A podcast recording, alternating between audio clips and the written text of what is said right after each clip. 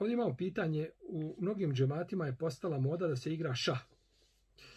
Namaz se klanjaju brzinski i to farzovi, a između njih igranje šaha satima.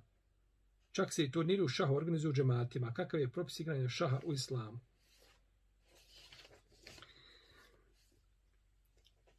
Musliman je dužan, a, draga moje braći i poštovane sestre, da vodi računa o svome vremenu da vodi računa o svome vremenu. A on time u stvari vodi računa o svome životu. Jer se čovjek neće pomjeriti na sudnjem danu dok ne bude upitan u šta je svoj život potrošio. Kako je došlo u vjerodostojnom Adisu.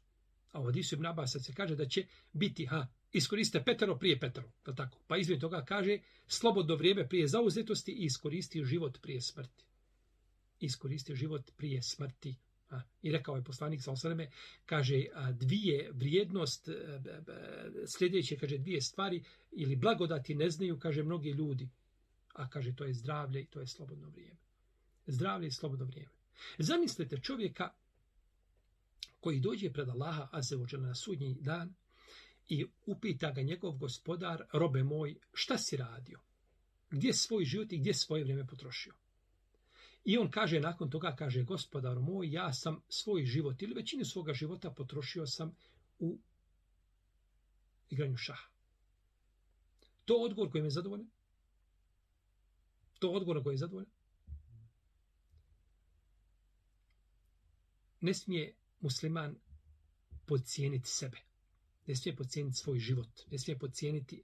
Davno su kazali da je zlato, da je vrijeme zlato a ta izjava, iako je došla od dobronamjernih ljudi, oni su grdno pogriješili. Zlato je nekakva materijalna vrijednost. Vrijeme predstavlja čovjekov život. A zlato, odnosno život, nema nikakve vrijednosti. Upitajte čovjeka koji na samrtnoj postelji da mu neko produži godinu dana života. Ne godinu, dva dana. Šta bi dao? Dao bi svi metak, sve što ima, dao bi za dva dana života. A mi ga potrošimo u igranju šaha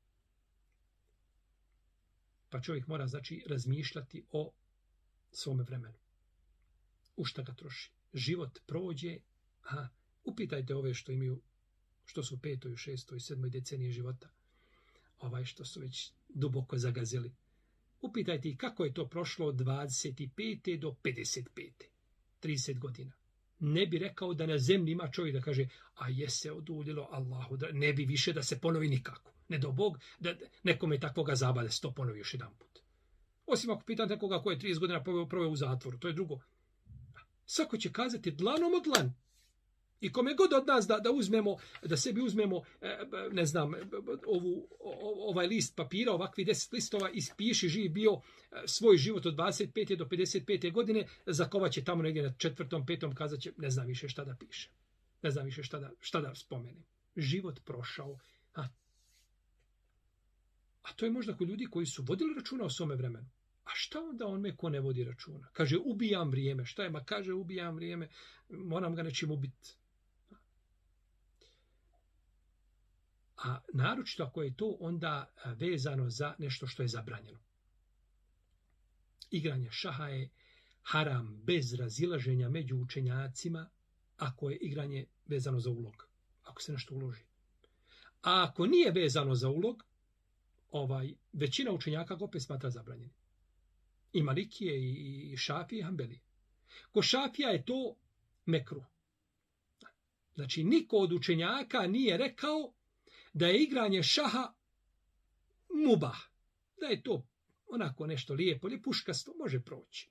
Ja je, ja je mekruh kod šapija, ja je više od toga kod većine učenjaka zabranjen. Pa su kada je Ishak ibn Rahoj, kad ga upitalo o igranju šaha, da li je to ovaj problematično i tako dalje, kaže on rekao, to čini kaže, samo zgriješnici. To čine samo griješnici. Postoje hadisi o zabrani igranja šaha. Međutim, ti hadisi nisu vjerodostojni. Nisu vjerodostojni hadisi a iz razloga što se je šah pojavio u vrijeme ashaba, nije bio u vrijeme poslanika sa Došao je u vrijeme ashaba, a nije bio u vrijeme poslanika sa osrme, pa se onda navode neke izjave od ashaba, a nema od poslanika sa osrme ništa ovaj u vezi s tim. Čak se navodio da li je da je prošao pored neki ljudi koji su igrali šah, pa je rekao, kaže, kakvi su ovi kumiri koji, koji, kojima ste posvetili obužavanje. Dobro, ovo je naravno izjava ashaba i ovaj, da li je vjerodostojan ili nije. U svakom slučaju, ovaj, to je, to je, ashabi su znači, osuđivali igranje šah. Ibn Omer je govorio, kaže, šah je gori od nerdašira. Šah je gori od Nerdešira. To je rekao Abdullah ibn Omar, radijalahu ta'ala, od, od, od velikih učenjaka iz, iz generacija sahaba. I imam Ibn Kajmi Sahavi su ovu predaju su ovu predaju ocjenili, ocjenili su ovu predaju ispravno. Znači da je rekao, a Nerdešir je zabranjen hadisom koji je došao kod muslima u Sahiju. Tako da, da igranje šaha a, je u najmanju ruku danguba. A, danguba. Kada je a, imam Ibn Šihabe Zuhri je rekao, kaže, ne volim šah, kaže li šah batil.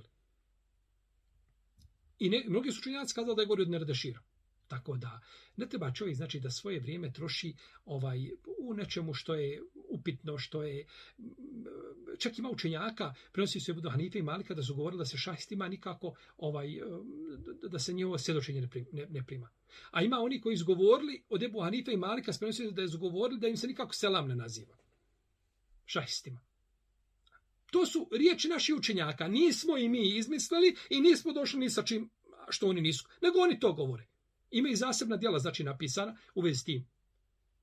U propisima i govorno se o tome, o tome u fikskim djelima, gotovo u svim fikskim djelima ima pitanje e, gdje se spominje tako igre, spominje se tako ovaj igranje šaha, pa se to zabrali.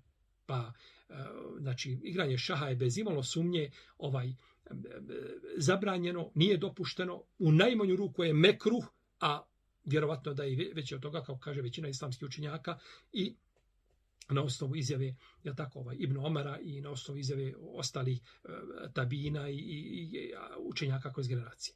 Tako da ne doliči muslima našla da se to čini u džami i tako dalje, nije to, nije to dobro nije dobro od džamije. Na, I onda ljudi dolaze i idem u džamije, da ja već usput razmišljam kako ću, hoću jednu partiju, onoga će danas, sigurno će danas vidjet, juče me je dobio, ali danas neće, moramo se danas osvetiti. I, I onda ponekad budu motivi odlazaka u džamiju da više bude ovaj, jel tako, šahanje nego, nego namazi. To nije dobro, to nije ispravno. Ako već mora biti, neka bude nešto što je muba. Nešto što je dozvoljeno, u čemu nema, ako mora već biti, kažemo. A, ako mora već biti.